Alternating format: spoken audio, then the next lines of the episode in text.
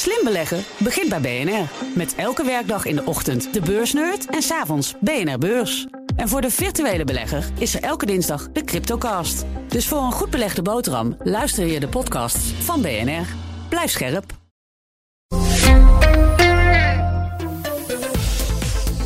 Een staatsgreep in een van onze buurlanden. Dat was vorig jaar in Duitsland bijna het geval. Wie dat voor elkaar wilde krijgen, dat hoor je in een nieuwe podcast van BNR, Dossier Europa. Offenbar hatten die Rechtsextremen auch geplant, den Reichstag in Berlin zu stürmen. Eind vorig jaar ontsnapte Duitsland de nauwe nood aan een staatsgreep. Heute früh einen der größten Antiterror-Einsätze in der bundesdeutschen Geschichte ausgelöst. De Duitse politie arresteerde 25 verdachten, onder wie prins Heinrich Royce XIII uit Turingen. De terreurprins, zoals Duitse media hem omschreven, droomde van een Duitsland met hemzelf aan het hoofd. Een knokploeg met ex-Bundesweercommando's stond klaar om de weg richting het Rijksdaggebouw in Berlijn vrij te maken. De bondskanselier moest gegijzeld worden. Bloedvergieten was niet uitgesloten, maar dat mislukte dus. Ja, je hoorde de trailer van de nieuwe BNR-podcast Dossier Europa. En correspondent Guy Hoeks in Duitsland duikt in de geschiedenis van de Reichsbürgerbeweging in Duitsland. En onze Europa-verslaggever Geert-Jan Haan is de stem van de nieuwe serie, waarin correspondenten van alle uithoeken van Europa, dat waarin we de correspondenten in alle uithoeken van Europa sturen. Ze zijn bij ons, welkom. Hallo. Guy, ben je ook bij ons? Hallo. Ja, ik hoor je. Die Ja, eerste zeker serie eh, die speelt zich dus af in Duitsland. Het FD schreef al een mooie recensie. Ik citeer: Soms liggen de wonderlijke geschiedenissen gewoon voor het oprapen. Nou, welk wonderlijk verhaal heb jij in Duitsland opgeraapt? Ik denk dat het bijzonder wonderlijk is dat mensen dus echt geloven in een, in een fantasiestaat. Hè? Dat ze eigenlijk dromen van een terugkeer naar het oude Duitse keizerrijk... dat tussen 1871 en 1918 bestond. En dat dus, dus inderdaad die mensen daartoe be- bereid zijn om de wapens op te pakken. Ja, dat zijn dus die Rijksburger. En wat, wat moet ik me precies voorstellen bij die groep? Ja, deze Rijksburgerbeweging eh, bestaat zo- uit zo'n 23.000 mensen. Duitsers, maar ook Zwitsers en Oostenrijkers. Mensen die eigenlijk ja, geloven dus eigenlijk in, in, in, in, in het oude Duitse keizerrijk. Eh, ze hebben antisemitisch gedachtegoed. Ze geloven in complottheorieën. En ze wilden dus eigenlijk, eh, een deel daarvan wilde dus eigenlijk eh, een staatsgreep plegen door het Bondsdaggebouw in Berlijn te bestormen. Ja, en daar hadden ze echt plannen voor. Ze, ze gingen te wapen.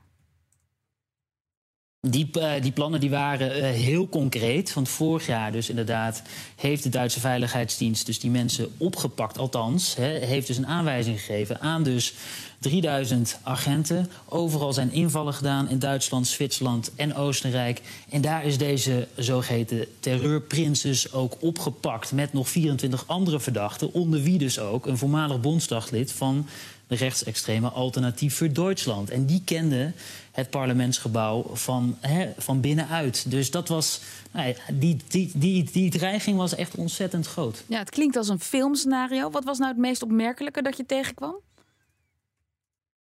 Ja, het is zeker een filmscenario. Eh, en je verwacht het niet in Duitsland. Hè? Een stabiele democratie. Eh, dus ik denk dat dat wel het eh, opmerkelijkste is. Dus dat je, hè, dat je dus mensen hebt dus, die dus vanuit het midden van de samenleving komen. Hè? Dus mensen die dus gewoon een goede baan hebben. Die uit rijke deelstaten in het zuiden komen. Baden-Württemberg. Maar die dan zich toch verliezen in complottheorieën. En die dus ja, zo een prins ook gaan volgen. En dus in zulke, bij zulke dubieuze figuren ook Ja. denken. Nou, die zouden dus wel eens eh, de bondskanselier kunnen opvolgen. En daarmee kunnen we, kunnen we dus terug naar het oude Duitse keizerrijk. Eh, Geert-Jan, dit verhaal over die Rijksburger en die, en die geplande staatsgreep... dat is dus onderdeel van het dossier Europa. Wat gebeurt er precies in dat dossier nog meer? Nou, we gaan in twaalf verschillende Europese landen eh, op zoek naar iets wat daar speelt. Eh, dat kan heel groot en heel klein zijn. Vier afleveringen per land, een drieluik van een correspondent. In dit geval van Guy Hoeks, als het gaat om de staatsgevaarlijke in Duitsland.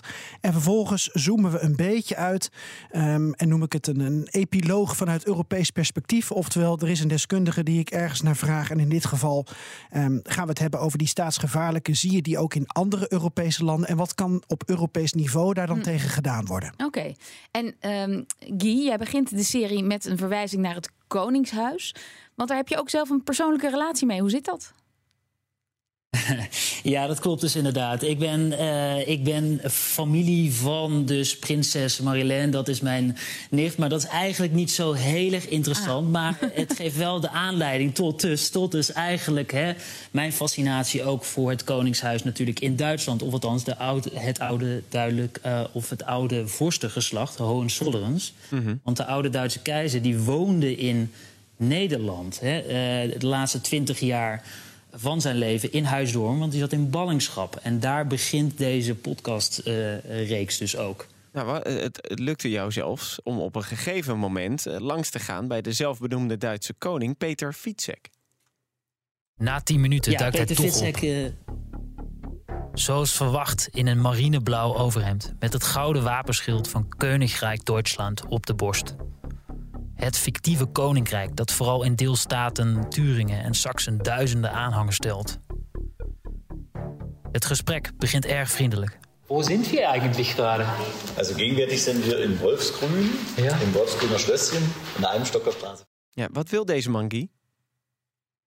Deze man wil uh, een zelfvoorzienend rijk uh, oprichten. Dus. En dat doet hij door vastgoed op te kopen. Dus ik was dus in zijn ja, uh, Jugendstil Villa. Uh, een aardig optrekje van 2,3 miljoen. En uh, dat heeft hij weten te bekostigen door dus de inleg van zijn zogeheten onderdanen. Dat zijn dus Rijksburger die dus in deze hm. koning Peter, Peter Fietsek, dus hun leider zien. En dit, en dit is dus een van die aftakkingen van die Rijksburgerbeweging, van die 23.000 mensen uh, die dus dromen van dus een terugkeer naar het oude Duitse keizerrijk. Ja, Geert-Jan, jij verzorgt dus de Europese epiloog bij uh, ieder ja. dossier. Um, je hebt voor deze serie Bart Groothuis uh, gesproken, Europarlementariër. Ja, welke conclusies trekt hij?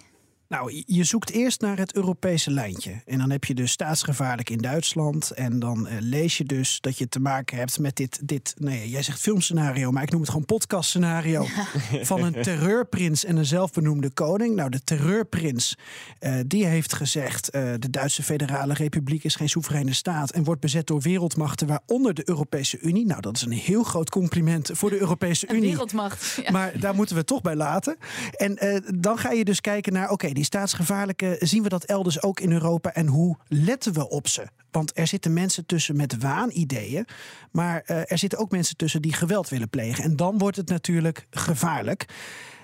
Je hebt een land als Duitsland, maar ook voormalige um, nou ja, landen, fascistische landen, landen met een fascistische traditie, zoals Spanje, Portugal en Griekenland, die er misschien vatbaarder voor zijn dan Nederland. En uh, toen was eigenlijk mijn vraag voor Groothuis: ja, kun je daar in Europa met een Europese veiligheidsdienst wat tegen doen? Tot op welk niveau kun je samenwerken? Nou, en wat betreft staatsgevaarlijke, ik ga niet alles al verklappen, je moet gewoon luisteren naar dossier Europa.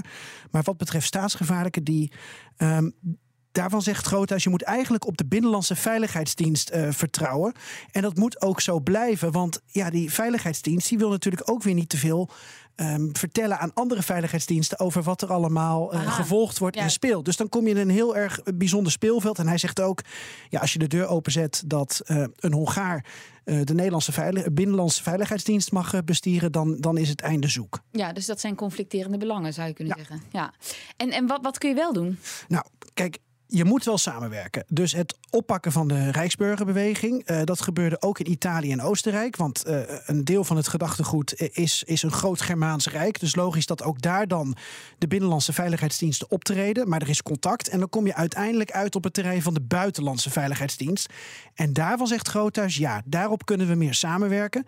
Niet onder gezag van Brussel is zijn idee. Dus niet met 27 lidstaten, want dan heb je zo'n 90 diensten misschien wel te pakken waar je mee om tafel moet. Militaire inlichtingendienst, buitenland, binnenland, sommigen hebben technische diensten. Um, je hebt nu een overlegorgaan, dat heet de Club de Berne. Daar gaat het hoofd van de Nederlandse AIVD ook twee keer per jaar naartoe om informatie en kennis met collega's uit te wisselen. Dat is dus al een platform. En dan zegt Groothuis: laten we ook pleiten voor meer structuur. En hij laat zich inspireren door de Five Eyes. De Britten, Amerikanen, Canadezen, Australiërs en Nieuw-Zeelanders die al 65 jaar bij elkaar over de vloer komen. Um, en die een buitenlandse inlichtingenalliantie vormen. En ik denk dat het goed is dat Europa een equivalent daarvan opricht. Uh, een Europese Five Eyes. Ik denk dat die buitenlandse inlichtingencollectie... dat dat echt iets is waar we vier, vijf landen in Europa moeten samenwerken. Nederland hoort daar sowieso bij. Duitsland, Frankrijk ook. En misschien nog Denemarken of Zweden of dat soort landen. En die kunnen prima samen zo'n platform beginnen. En die kunnen dan zorgen dat de voorzitter van de raad wordt geïnformeerd. De buitenlandschef van de EU. En op die manier ook een ja, eh, een, een, een, stevige positie in de wereld kunnen, kunnen, kunnen bewerkstelligen voor Europa. Ja, dat was eh, Bart Groothuis, Europarlementariër. Guy, uh, die Rijksburger, die waren afgelopen week weer in het nieuws in Duitsland. Hoe gaat het met ze? Zijn ze nog heel actief? De Rijksburgers staan uh, nog altijd uh, op het vizier van uh, de Bundesverfassungsschutz, de Duitse veiligheidsdienst. Want het zijn er nogal een aantal. dus inderdaad 23.000. dus vorige maand, wat je zei, weer acht of invallen in acht verschillende deelstaten. Nou, dit is dus weer een andere aftakking dan van de prins en van koning, koning Peter. Want deze mensen die wilden dus de Duitse gezondheidsminister ontvoeren.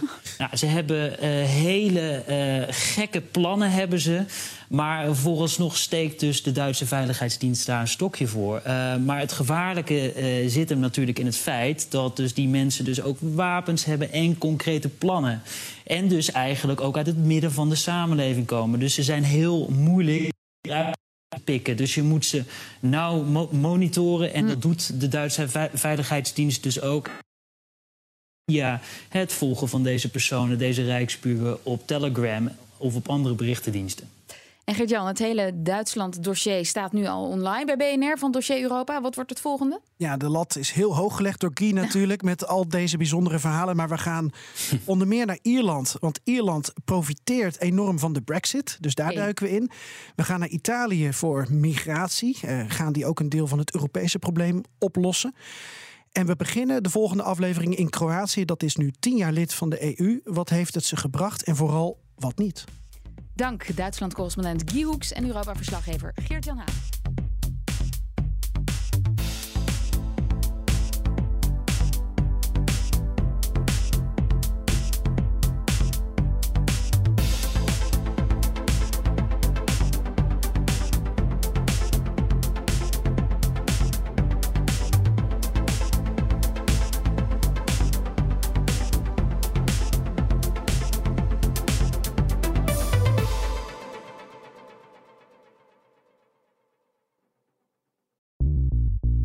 Bij BNR ben je altijd als eerste op de hoogte van het laatste nieuws. Luister dagelijks live via internet. Bas van Werven. En heel langzaam komt de zon op rond dit tijdstip. Je krijgt inzicht in de dag die komt op BNR, het Binnenhof in Nederland en de rest van de wereld. De Ochtendspits. Voor de beste start van je werkdag. Blijf scherp en mis niets.